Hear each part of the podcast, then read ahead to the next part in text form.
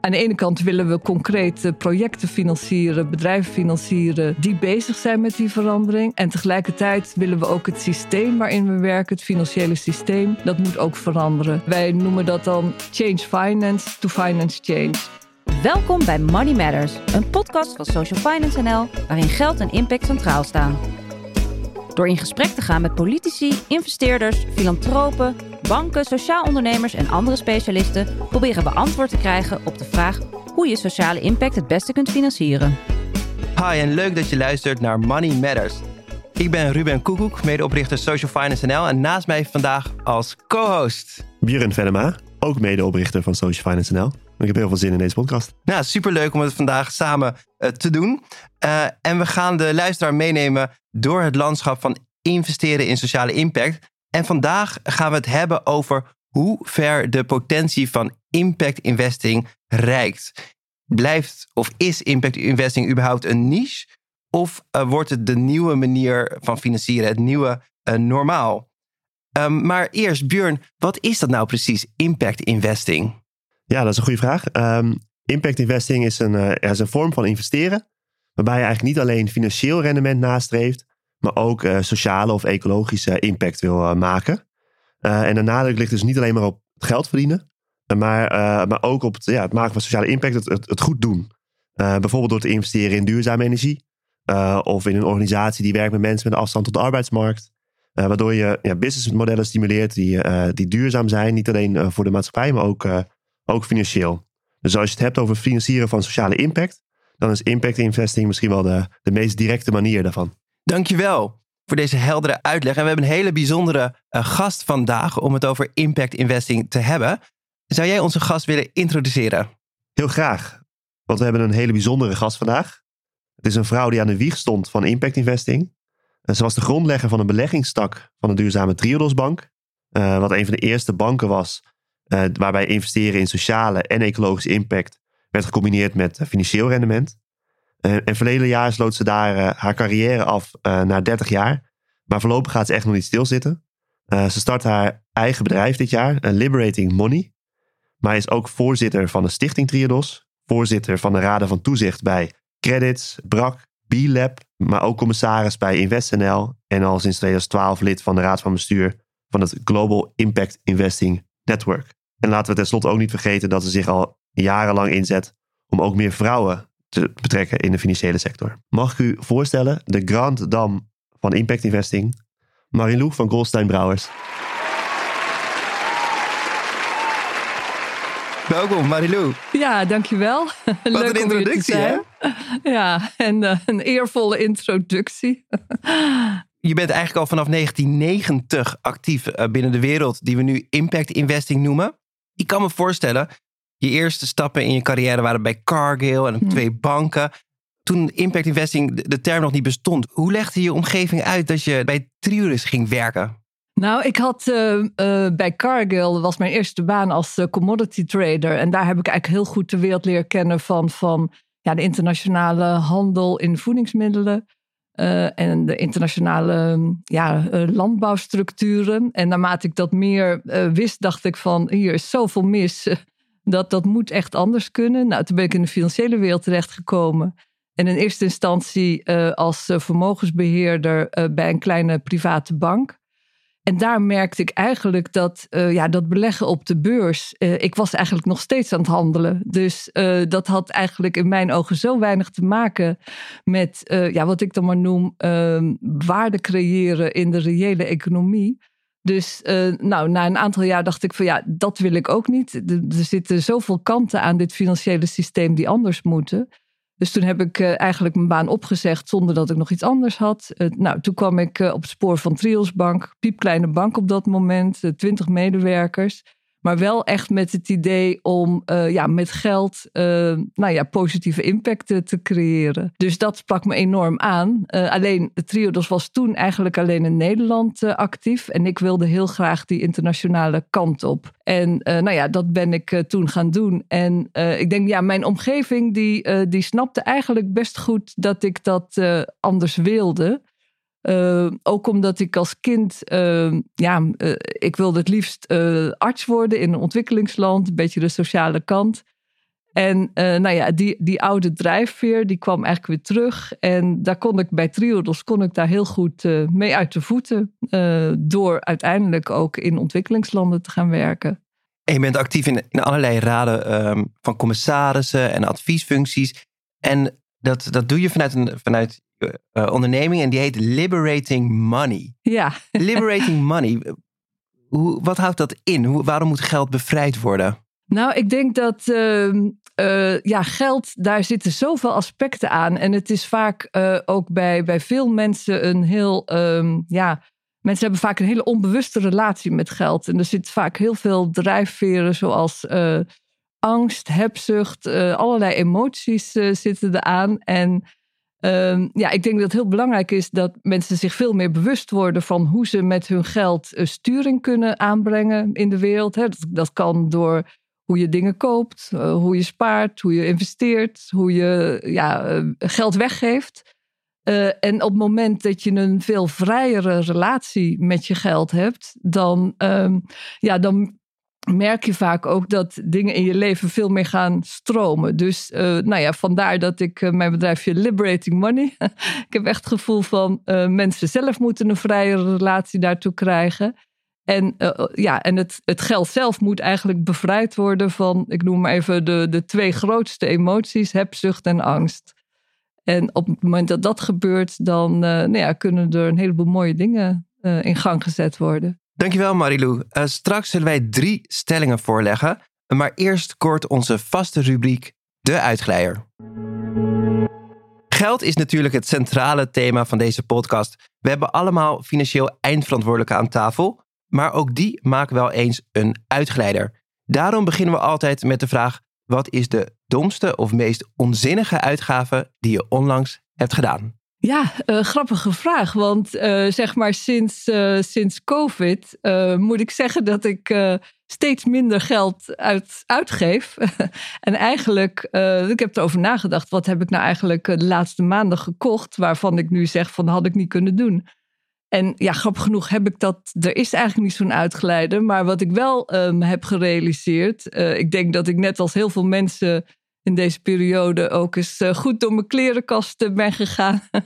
en eigenlijk uh, nou ja, aan het opruimen ben geslagen. En als ik dan zie hoeveel dingen ik de afgelopen jaren heb gekocht. Die nou ja, daar nu maar hangen, waar niemand iets mee doet dus ik realiseer me wel dat ik nou ja, een heleboel dingen heb gekocht waarvan ik me nu afvraag van, nou, was dat, was dat nou echt wel nodig? En ja, ik ben nu ook bezig om te kijken of ik daar op een goede manier weer vanaf kan komen. Dus doe druk mee met platforms waar je tweedehands kleding, tassen, et cetera op kan verkopen. Dus maar ik merk ook dat dat niet zo opschiet. Want volgens mij zit iedereen nou in de ontspullenmodus. Dus dat gaat allemaal nog niet zo hard. Dus een groot aanbod van tweedehands kleding. Eh, Enorm.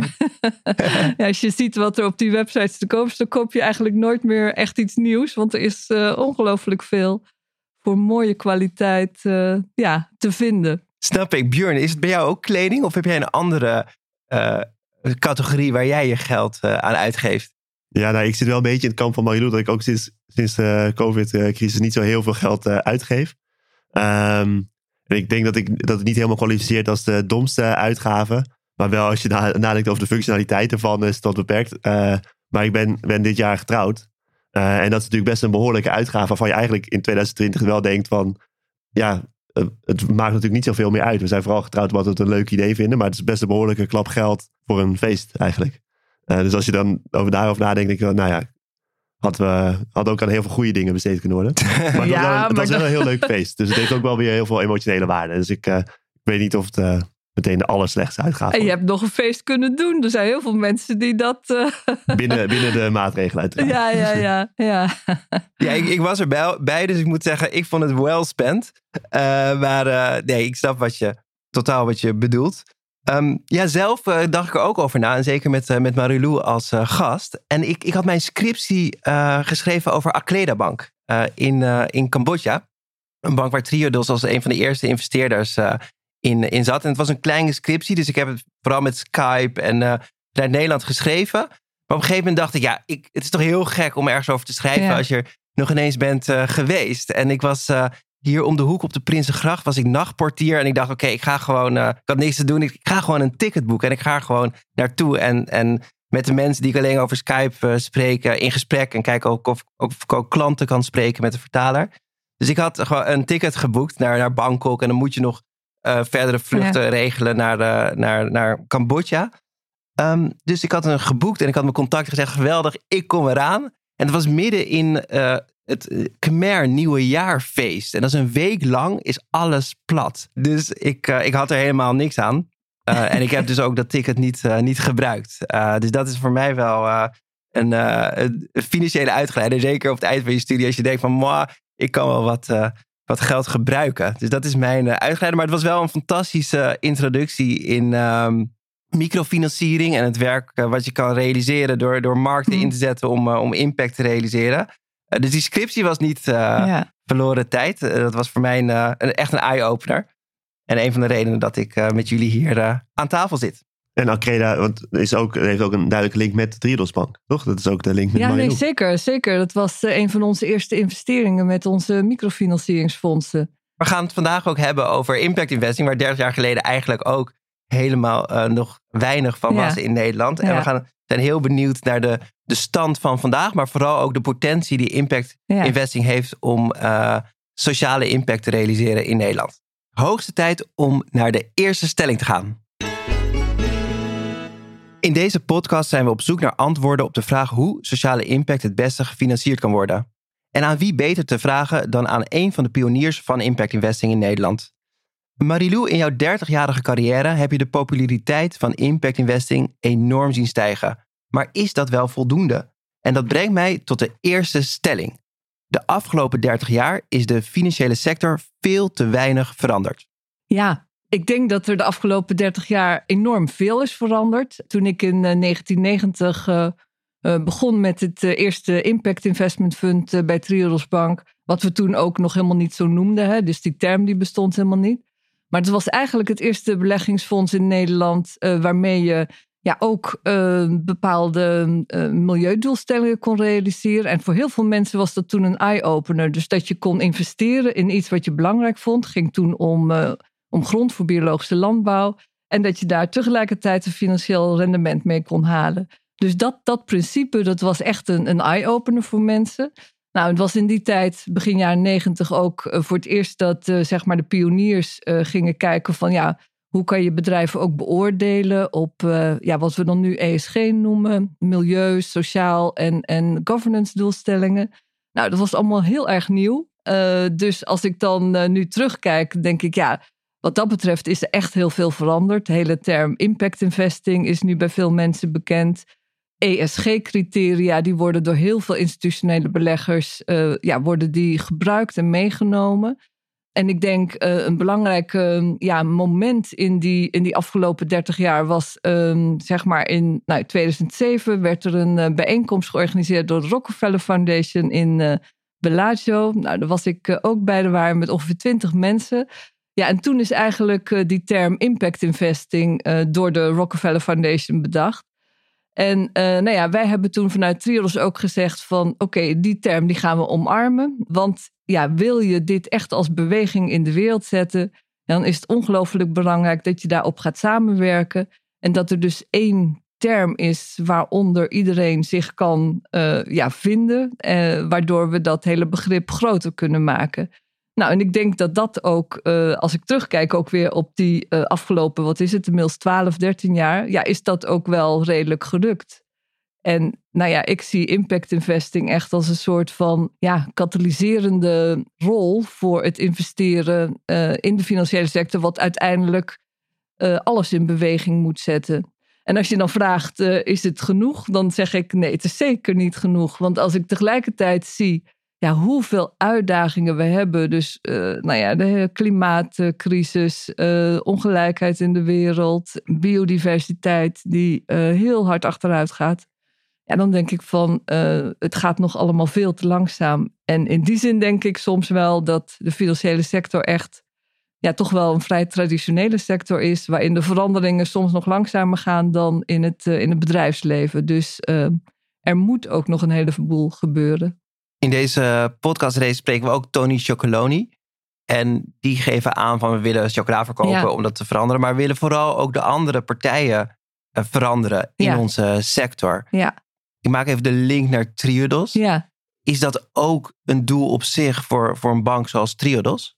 Ja, dat is eh, altijd eh, voor Triodos Bank ook echt het doel geweest. Dus wij hebben de rol van Triodos altijd eigenlijk gezien van... aan de ene kant willen we concreet eh, projecten financieren, bedrijven financieren... eh, die bezig zijn met die verandering. En tegelijkertijd willen we ook het systeem waarin we werken, het financiële systeem... dat moet ook veranderen. Dus wat wij, wij noemen dat dan change finance to finance change. Dus je moet eigenlijk op die twee niveaus moet je acteren. Uh, en ik denk uh, ja, dat we dat echt ook als onderdeel van de, bij Triodos van de missie hebben gezien. Uh, dat we ook altijd heel actief zijn geweest in ja, allerlei gremia die dan bezig zijn met die verandering in de sector. Dus nou, ik ben zelf actief geweest in de, hè, dus, in de Global Impact Investing netwerk. Maar we hebben bijvoorbeeld ook organisatie opgezet, Global Alliance for Banking on Values. Dus waarbij we partijen over de hele wereld zochten die ook op een andere manier uh, bankieren. Net als Triodos, om dan een netwerk op te zetten waardoor je die beweging uh, ja, in gang zet. Dus ja, ik denk net als bij Tony Chocoloni, je moet op die twee verschillende niveaus moet je acteren om die verandering ja, voor elkaar te krijgen. Heb je een concreet voorbeeld van wat er echt veranderd is? Bijvoorbeeld die traditionele banken, de, de traditionele financiële sector, de aanleiding van die netwerken en de inzet van Triodos. Wat, is nou een succes dat de banken nu anders doen uh, dan ze misschien 12 of misschien wel 30 jaar geleden deden? Nou, ik denk het hele denken over, ja, over het financieren uh, met impact. Uh, nou ja, dat, dat, dat zie je dat dat ook door heel veel banken nu omarmd wordt. Maar ook uh, ja, heel concreet uh, zaken als ja, hoe, hoe uh, ga je om met het meten van, van de, de, de, de CO2-uitstoot in je portefeuille. Nou, daar hebben we bijvoorbeeld ook met een aantal Nederlandse partijen hebben we daar ja, samenwerking gezocht. En daar meetmethodes voor ontwikkeld. Dus zeg maar, die, die verandering die door samen te werken met, met andere spelers in die sector, ja, krijg je daar dingen voor elkaar. Maar bijvoorbeeld, je, had het net over microfinanciering. Hè? Dus daar, om daar een voorbeeld van te geven. Want microfinanciering is eigenlijk een van de oudste impact uh, investing uh, activiteiten, zou je kunnen zeggen. Uh, maar dat is op een gegeven ogenblik, nou ja, zag je dat dat steeds commerciëler werd. En dat je eigenlijk daar ook, ja, in sommige gevallen kon je echt wel zeggen van de sprake van, van missiedrift. Hè? Dus afwijken van, van de oorspronkelijke sociale doelstelling. Nou, toen hebben we ook gekeken van ja, hoe kan je dat dan ja, weer tegengaan? Wat moet je doen om dat weer te veranderen? Nou, toen hebben we met een aantal, met koningin Maxima, toen was nog prinses Maxima, hebben we Principles for uh, Responsible Investing in Microfinance uh, opgezet. Uh, Principles for Inclusive Finance. En nou ja, dus, dus door steeds die samenwerking te zoeken met partijen en weer terug te gaan naar die oorspronkelijke ja, sociale missie kun je in die hele sector wel veranderingen voor elkaar brengen. Dus dat, uh, nou ja, dat hebben we ja, ook altijd als een belangrijke rol uh, gezien. En die verandering uh, um, voor elkaar brengen, ik ben nog wel benieuwd hoe groot je daarvoor moet, moet zijn. De, de GIN, ja. waar je zelf bij betrokken bij, bij bent, die meet dat elk jaar. Geef aan zo'n 700 miljard aan beheerd vermogen, wat nu gelabeld is als impact investing. Nou, dat is natuurlijk een heel klein gedeelte van het totale ja. um, geïnvesteerde bedrag, wat zo op de 100 triljard wordt ingeschat. Uh, ik kan me voorstellen dat het voor de luisteraar begint te duizelen, maar nog drie nullen extra. Uh, ja. Ja. Maar hoe, hoe groot moet de impact investing sector worden om echt uh, de rest van de industrie te kunnen veranderen? Ja, ik denk dat het uh, zeg maar op verschillende manieren zal gaan gebeuren. Wat je bijvoorbeeld um, ziet, is dat met name de, de klanten van de, van de grote private banks, en dan bedoel ik met name de jongere generatie, ja, die vraagt echt van die banken om, om instrumenten waarmee ze impact kunnen realiseren. Dus zeg maar even, die, het, het begint, uh, begint er vaak mee dat, uh, omdat de klanten dat vragen, dat die grote banken ook gaan kijken, ja, wat moeten we dan eigenlijk gaan doen? Dus dat, dat is een, een verandering die komt eigenlijk van onderop. Tegelijkertijd zie je dat ook uh, institutionele investeerders uh, zich steeds meer realiseren dat, ja, hè, ik noem even pensioenfondsen, willen wij uh, onze uh, klanten, onze pensioennemers straks een, in een wereld laten leven die ook nog leefbaar is, ja, dan zullen we ook gewoon onze investeringen op een andere manier moeten doen. Dus, dus die realisatie die begint daar ook steeds meer door te dringen. Dus um, zeg maar, het, het voorbeeld wat we gegeven hebben hè, met, met impact investing, dat vindt steeds meer ja, zijn weg. En uh, langzaam maar zeker beginnen ja, ook de institutionele investeerders, private banks, beginnen echt te veranderen. Dus um, ik denk dat het, nou ja, nog zeker een, een, een, een aantal jaren zal duren. Maar uh, tegelijkertijd worden we ook hè, met de SDG's ik bedoel, iedereen is er ook steeds meer van doordrongen dat we ja, eh, snelheid moeten maken. En uh, dat we daar ook uh, nou echt op moeten acteren. Willen we straks met elkaar nog die leefbare wereld hebben? En als ik je uh, goed begrijp, begint het dus echt bij, bij de klant. Dus bij diegene die, die belegt en die ja. dan wil beleggen. Of degene die werkt en bewust wordt van zijn pensioen. Ja, en ik denk dat dat ook. Uh, en mensen onderschatten vaak uh, hoeveel power ze eigenlijk hebben. Hè? maar door inderdaad, uh, nou ja, als, als pensioennemer aan jouw pensioenfonds te vragen: van ja, waar beleggen jullie eigenlijk in? Hoe gaat dat? nou ja, dat, dat, dat helpt echt. En hetzelfde geldt natuurlijk ook bij, bij banken. ja, hoe, hoe, wordt, hoe wordt geld, het spaargeld wat je daarin legt, hoe wordt dat gebruikt? dus je ziet dat bijvoorbeeld in Engeland, uh, daar is een hele beweging ontstaan, waarbij dat inderdaad dan uh, door gewoon klanten, mensen gevraagd wordt van wat gebeurt er met dat geld. Nou, ik, die beweging die, die zie je op steeds meer plekken. En ik denk dat dat een van de ja, drijvende krachten is van de verandering. Dankjewel. Dus het begint eigenlijk bij degene die zijn geld toevertrouwt aan die institutionele investeerders. Uh, dus ook uh, als luisteraar kan je het verschil uh, maken daarmee. Ja, ik zou mensen echt op willen roepen om daarover uh, over na te denken en ook nou ja, op te acteren. We gaan naar de tweede stelling. De impact investing industrie moet een standaard voor impact meten krijgen om echt volledig tot wasdom te kunnen komen. Ja, ik zou daar ook op zeggen, ik denk dat dat heel belangrijk is. Dat, uh, dat je zeg maar ook met elkaar een, een gemeenschappelijke ja, taal uh, vindt op, het moment dat je het over impact hebt. En dan bedoel ik met name ook uh, impact management. Dus, dus het gaat niet alleen om het meten, maar het gaat echt om ja, wat, wat wil je met je investeringen veranderen? Hoe doe je dat? En ja, dan is het wel uh, ja, goed als je daar met elkaar een, een, vergelijkbare ja, meetmethode hebt. En er wordt ook al heel hard aan gewerkt. Hè? Dus uh, met de GIN, met de Global Impact Investing Network, hebben we daar een standaard IRIS Plus. Maar ook andere partijen, bijvoorbeeld Bridges, is een partij in Engeland. Die heeft het initiatief genomen om impact management project op te zetten, waar inmiddels al heel veel organisaties zich mee verbonden hebben. Uh, dus dat is zeker belangrijk.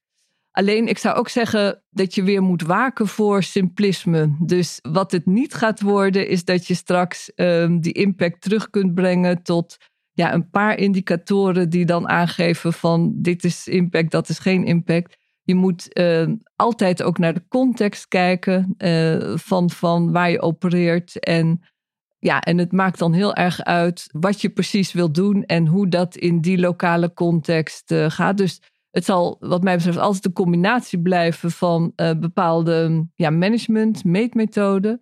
Maar ook met de, de verhalen erbij die aangeven van ja, wat, wat we uh, bereikt hebben door op een bepaalde manier in die context te investeren. En als je het bijvoorbeeld vergelijkt met, uh, ja, met, met uh, de accounting standards, hè, want dat is natuurlijk ehm, nou ja, het heeft ook best wel lang geduurd voordat we met elkaar gemeenschappelijke accounting standards hadden.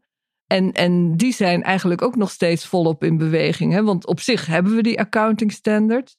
Maar wat je ook heel erg merkt, is dat. Uh, hè, dus dus wat, je, wat je kan zeggen is. Uh, de winst die wordt nou overal op dezelfde manier berekend. Uh, in de tijd, maar ook zeg maar hoe bedrijven dat onderling doen. Maar wat je ook merkt is dat dat ene winstcijfer ja, ook steeds minder zegt, omdat een heleboel van de, van de kosten die een bedrijf maakt, daar helemaal niet in meegenomen worden. Hè? Dus dat Uh, bedoel, de kosten als het gaat om schade voor milieu of nou ja, allerlei negatieve impact die ze maken op sociale omstandigheden. Dus ook daar zie je nu een beweging dat wat ze dan noemen true cost accounting. Dus dat je eigenlijk ook met de financiële standaarden steeds meer gaat kijken van ja, als je nu echt wil weten wat een bedrijf aan waarde toevoegt en ook de, de negatieve impact die een bedrijf maakt, als je dat ook in die financiële cijfers meeneemt, nou ja, dan kom je echt pas op een, uh, op een goede vergelijking. Dus zeg maar, zoals je positieve impact uh, wilt meten, wil je eigenlijk ook, als het gaat om de financiële standaarden, ook steeds meer ja, dat op een andere manier doen. Hè? Dus wat ze met true price en true cost accounting proberen te doen. Dus het hele veld van meten is enorm in beweging. En ik denk dat het ook belangrijk is om uh, nou ja, uiteindelijk met elkaar te komen tot ja, wat we echt belangrijk vinden. En hoe we dat dan ook uh, op goede manier meetbaar maken. Maar kan dat uiteindelijk ook wel? Want je hebt natuurlijk ook de uitdaging dat uh, nou, je, je, vertelt al, niet alles is terug te brengen tot een indicator, tot een, ja. een of een enkele indicator. Ja. En tegelijkertijd heb je dus die context nodig. Maar als je vervolgens kijkt naar Triodos of een pensioenfonds of andere partijen die aan het eind van het jaar een, eh, een prachtig eh, jaarverslag uh, publiceren. En we daar dan misschien ook wat willen vinden over de impact. Ja. Hoe ja, kan je dat wel terugbrengen tot, tot één compleet overzicht? Wat je kan doen, is dat je de manier waarop je die impact meet, dat je dat vergelijkbaar maakt. Maar uiteindelijk zal het, als het echt om de, ja, de, de impact die je wil laten zien, dat uh, wat ik net zei, het zal altijd afhangen van de, van de context waarin dan een bepaald bedrijf opereert. Dus om een voorbeeld te geven, ja, als je bijvoorbeeld kijkt uh, naar de, de hele energietransitie. Nou, dan zou je kunnen zeggen van uh, dat is misschien nog wel het meest makkelijk te meten. Want je kan ja, meten wat je aan CO2 bespaart op het moment dat je in duurzame energie investeert of minder energie verbruikt. Dus dat zou dan nog relatief eenvoudig te meten zijn. Maar als je vervolgens kijkt van ja, wat, wat wil ik eigenlijk bereiken met investeringen in die energietransitie, dan komen er ook nog een heleboel andere aspecten. Dan kan je bijvoorbeeld ook zeggen van ja, ik vind het belangrijk dat er um, ja, dat energie lokaal opgewekt wordt en dat ook uh, ja, local communities daarbij betrokken zijn. En dat is dan weer heel iets anders dan wanneer je, ja, ik noem even wat, in een groot windpark op zee investeert. Dus je kan ook ja, vanuit de doelstelling die je dan hebt met het investeren in de energietransitie, kan je ja, in een hele verschillende context terechtkomen, waardoor het uh, zeg maar uiteindelijk ook weer niet zo heel makkelijk te vergelijken is. En wat, wat ook veel verder gaat dan alleen dat ene cijfer van die CO2-besparing. Dus eh, mijn punt is, je, je kan uh, meetmethodes vinden, maar je moet ook altijd kijken van, ja, wat wil je echt bereiken en wat, wat voor verhaal zit daar omheen? Uh, waardoor het dan uiteindelijk voor de nou ja, mensen die erbij betrokken zijn, helder zijn van ja, wat is de verandering die je nastreeft. Ja, en dan die meetmethodes, uh, daar kan je misschien wat meer standaarden ja. voor creëren. Ja. Maar tegelijkertijd ik hoor je net denk ik al in de introductie eh, van meet, over het meten al uh, over drie meetmethodes spreken die in ontwikkeling zijn. Of hè, drie verschillende ontwikkelingen. Ja. Dus, dus worden er dan ook niet allemaal standaarden naast elkaar uh, ontwikkeld? Als ik uh, als impact investeerder, of misschien impact investeerder die luistert, die zegt: nou, ik wil mijn impact gaan meten. Uh, hoe weet ik dan welke ik kies? Of waar ik mee aan de slag moet gaan? Ja, en, en dat zeg maar probeer ze binnen de, de hele sector wel, nou ja, dat er overkoepelend een paar standaarden komen. Hè? Dus, dus nou, bij de gin, de, de Irish Plus. Die wordt door heel veel partijen gebruikt. Dus, dus dat is wel belangrijk. Dat, we, ja, dat er weer niet te veel standaarden komen. Want dan zien nou ja, mensen door het boom het bos niet meer. Dus dat, dat, is, uh, dat deel ik met je. Dat is wel belangrijk dat dat uh, wat meer uh, ja, gestroomlijnd wordt. Je gaf zelf al aan dat accounting uiteindelijk met één standaard is gaan, wer ja. gaan werken. Na ja. de, de crash in 1929. Ja. Geloof je er uiteindelijk in dat we met impact investing ook met één standaard gaan werken? Of denk je dat dat niet te realiseren valt? Het, het is, uh, ja, hoe moet ik dat zeggen? Het, is wat, wat, uh, het zal altijd wat complexer blijven. Omdat je, uh, ja, nogmaals, je moet het altijd weer in die lokale context zien. Dus het zal nooit één standaard worden ehm, waarbij het terug te brengen is tot één cijfer. Dat gaat echt niet werken. Dus dat is ook een uh, illusie als, als je dat uh, probeert na te streven. Maar wat, ja, en moet ik zeggen, ook bijvoorbeeld met uh, de pogingen die nu gedaan worden, als je kijkt naar ja, ik noem maar wat, bruto nationaal product. Dat is eigenlijk ook weer één meetmethode. Maar ja, die geeft niet aan hoe het echt met een land gaat. Hè? Dus, dus ook daar zie je allerlei bewegingen. Bijvoorbeeld, uh, nou ja, uh, wat, wat vanuit Bhutan gekomen is, de Gross National Happiness Indicator. Maar ook wat ze nu in Nieuw-Zeeland doen, um, om, om veel meer te kijken ja, naar een combinatie van standaard of uh, van meetmethodes waarbij je ja, echt probeert de, de, ja, het welzijn, hè, de well-being uh, van mensen ook uh, daarin mee te nemen. Dus het, het is zeker complexer dan hoe het nu is. Maar ja, de, de werkelijkheid is ook complexer.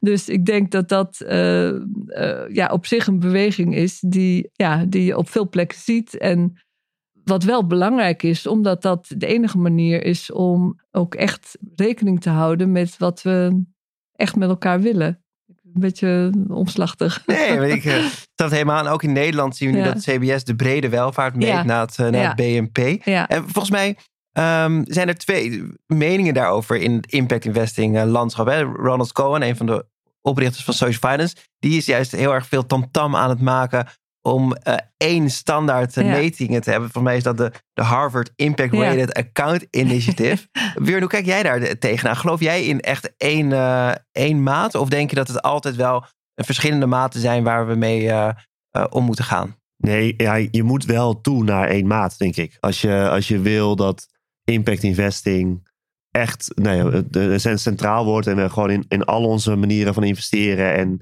en in de financiële, door de hele financiële sector heen werken met, uh, met impact en streven naar impact, ja, dan moet je toe naar uh, een manier waarop al die partijen en al die mensen kunnen gaan zien uh, wat die impact dan is. En dan ben ik met Marilou eens dat je dan niet misschien dat de context per, per partij of per keer verschilt, maar dat je moet wel naar één, één standaard, één methodiek toe om, om dat echt goed inzichtelijk te maken.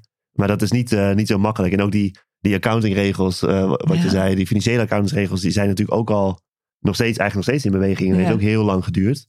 Dus het gevaar is wel dat het, het duurt nog wel even, denk ik. Dat, daar, dat baart dan ook alweer zorgen. Die maat die is er nog niet zomaar. Ja, maar ik denk het belangrijk is dat het uh, denken daarover, uh, dat dat uh, zeg maar echt breed in gang gezet wordt. Hè? En dan, dan, ja, dan heb je eigenlijk de eerste stap al gezet. Dus zeg maar op het moment dat veel partijen zich realiseren van, ja, je, je, je moet, het gaat echt om een andere manier van denken die veel ja, breder, holistischer is dan uh, wat er nu gebeurt. Dus ja, dus dat is eigenlijk al een grote winst op het moment dat je dat voor elkaar krijgt. Ja, eens. En ik denk ook wel dat er is tegelijkertijd is er wel urgentie voor, denk ja. ik, voor zo'n maat. Want je ziet ja. ook, nou, we hadden het even ja. over uh, microfinanciering. En daar, daar heb je natuurlijk ook eens op een gegeven moment een soort van commercialisering plaatsgevonden. En je loopt ook wel het risico dat partijen nu in de markt stappen. En met eigenlijk een soort van gebrekkige methodieken claimen uh, heel veel impact te maken. Terwijl dat misschien in de praktijk wel tegenvalt. En, uh, en zelfs nou ja, als je dan niet naar de negatieve impact kijkt, die, die Mario ook al aangaf, dat je dan eigenlijk ziet dat het misschien wel, uh, wel, wel, helemaal niet zo goed is wat ze doen. En, en zeker nu in de, in de periode waarin impact investing als sector en, en, en hoeveel ja. geld die erin omgaat, groeit, of in ieder geval lijkt te groeien, is, is, er, is de nood wel hoog om daar dan wat zicht op te krijgen dat, dat de mensen die zich daarin gaan bewegen ook wel echt de goede dingen doen. Ja. Ja, want ik hoor ook steeds meer mensen die zich zorgen maken over impact washing. Uh, greenwashing kennen we vaak al. Hè? Ja. Dat bedrijven groen laten zien dat ze groen zijn, maar eigenlijk niet zo groen zijn. Hoe, hoe zit dat bij jou? Want ik kan me voorstellen, als 21ste medewerker van Triodos voel je je toch een beetje de bewaarder van de, van, de, van de beweging. Maar je wil ook wel heel inclusief zijn. Dus hoe, hoe kijk je tegen al die bedrijven, investeerders aan die zich nu impact investor noemen? Ja, uh, daar kijk ik wel een beetje met, uh, met uh, gemengde gevoelens naar. Want aan de ene kant is natuurlijk altijd de bedoeling geweest dat deze beweging ja, groot zou worden. Hè? Dus, dus, ehm, dus dan, dan is het ook belangrijk dat steeds meer spelers aanhaken. Maar ja, het moet wel op een integere manier gebeuren. Op het moment dat partijen ja, doorgaan met wat ze altijd deden, maar ze plakken daar een ander sausje, dan, dan verandert er niks. Hè? Dus dus uh, in die zin uh, ben ik wel ook heel kritisch op uh, sommige partijen die zich impact investor noemen. Maar wat, wat ja, in de praktijk eigenlijk nauwelijks iets voorstelt. Of, zeg maar, of partijen die ehm, nou ja, met de mond beleiden dat het allemaal anders moet. Maar als je dan echt kijkt, noem maar wat, naar het, ehm, ja, het stemgedrag wat ze dan vertonen als het bij aandeelhoudersvergaderingen. En nou ja, partijen die ehm, ja, dan nog steeds al ehm, klimaat, dus als het over klimaat gaat, ja, daartegen stemmen. Terwijl ze mondeling zeggen van ja, impact investing is zo belangrijk. Dus dus die inconsistentie, nou ja, dat is wel ja, vrij storend.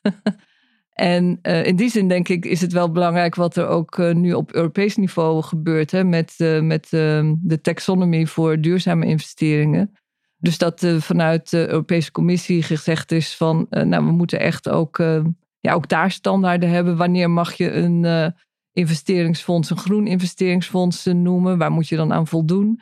Dus nou ja, dat zijn allemaal wel bewegingen die helpen om duidelijk te maken wat, wat integer en echt is en wat niet. Tijd om naar de derde en laatste stelling te gaan. We hebben het eerder gehad over eh, hoe moet je nou meten, maar ook over pensioenfondsen, regels. En dat brengt mij tot de volgende stelling. De Nederlandse overheid kan veel meer doen om impact investing te promoten als je het hebt over de overheid, dan is het natuurlijk altijd de vraag van ja, wat voor beleid zouden ze nou moeten voeren om, um, om dit uh, zeg maar uh, veel groter te maken? Uh, en de overheid heeft natuurlijk, nou ja, onlangs concreet InvestNL opgericht. Hè? Dat is echt bedoeld om de hele energietransitie in Nederland te versnellen, de, de overgang naar een circulaire economie. dus dat is iets wat ze concreet al gedaan hebben. Ja, en verder hoop ik eerlijk gezegd dat de overheid zich ook aan zal sluiten bij de, de National Advisory Board for Impact Investing. hè, dat is, een, is pas uh, opgericht uh, in Nederland als onderdeel van een wereldwijd netwerk. onder de Global Steering Group for Impact Investing, opgericht door Ronald Cohen. Ehm, en ja, ik denk dat dat uh, heel belangrijk is dat ook bijvoorbeeld het ministerie van EZ of het ministerie van Financiën zich bij die National Advisory Board aansluit. Omdat je dan ook met andere spelers in de sector, dus met pensioenfondsen, met de banken zoals Triodos, maar ook FMO heeft zich daarbij aangesloten. Ook nou, Willemijn Verloop is de voorzitter van die National Advisory Boards. Dus er zijn allerlei organisaties die breed kijken van wat moet er in Nederland gebeuren om dit ja, veel groter te maken.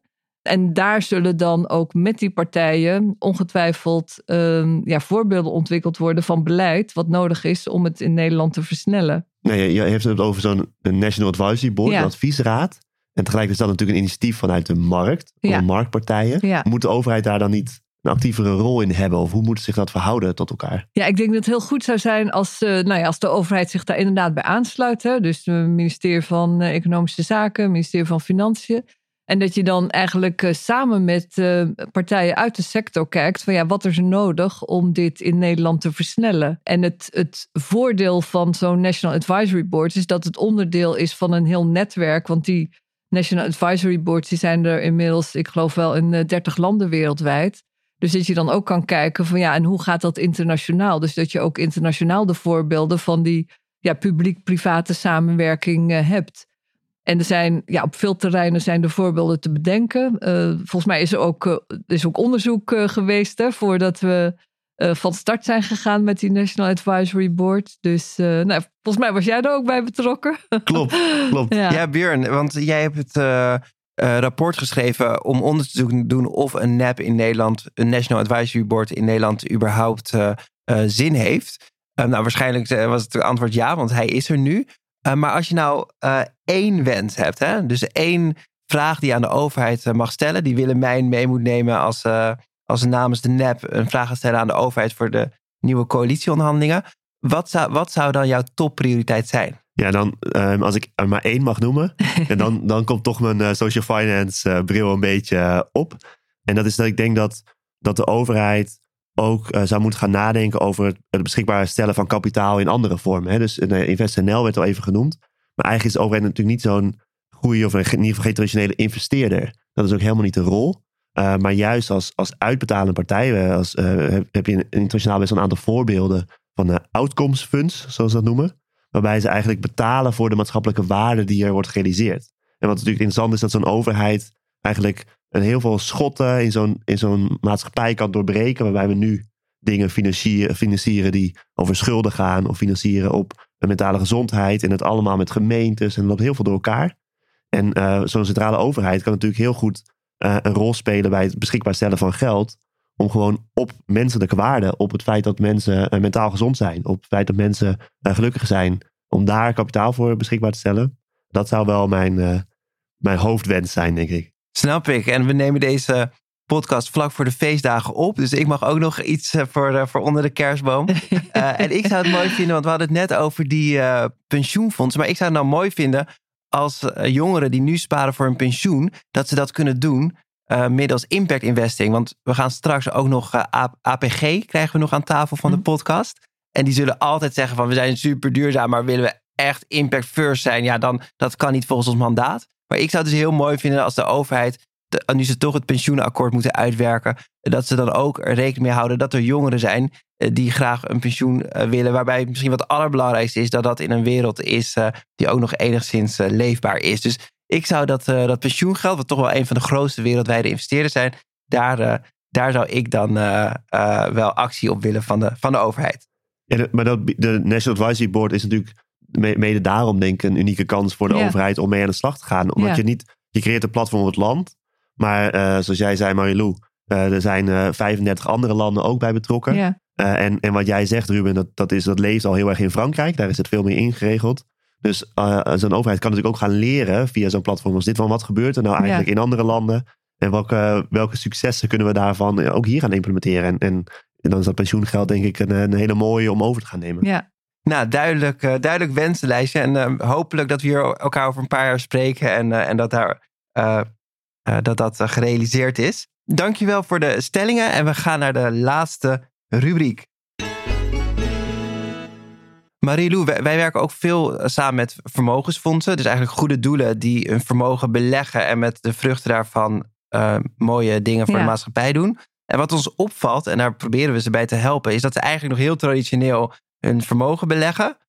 Um, en dan met dat geld goede dingen gaan ja. doen. Terwijl wij ze juist proberen te overtuigen om al beleggend goede dingen te doen. waarom lukt dat al die vermogensfondsen niet? Want het gaat toch om alleen al degene aangesloten bij de FIN, bij de koepel, gaat dan om 10 miljard euro. Ja. Waarom lukt het ze niet? En wat zou je ze willen adviseren om daarmee aan de slag te gaan? Hoe kunnen ze daarmee aan de slag gaan? Ja, allereerst, ik denk dat het uh, heel belangrijk is dat ze het doen. Hè? Dus uh, omdat je vaak via je investeringen nog veel meer impact uh, zou kunnen realiseren dan wat je alleen via je, nou ja, via je schenkingen doet.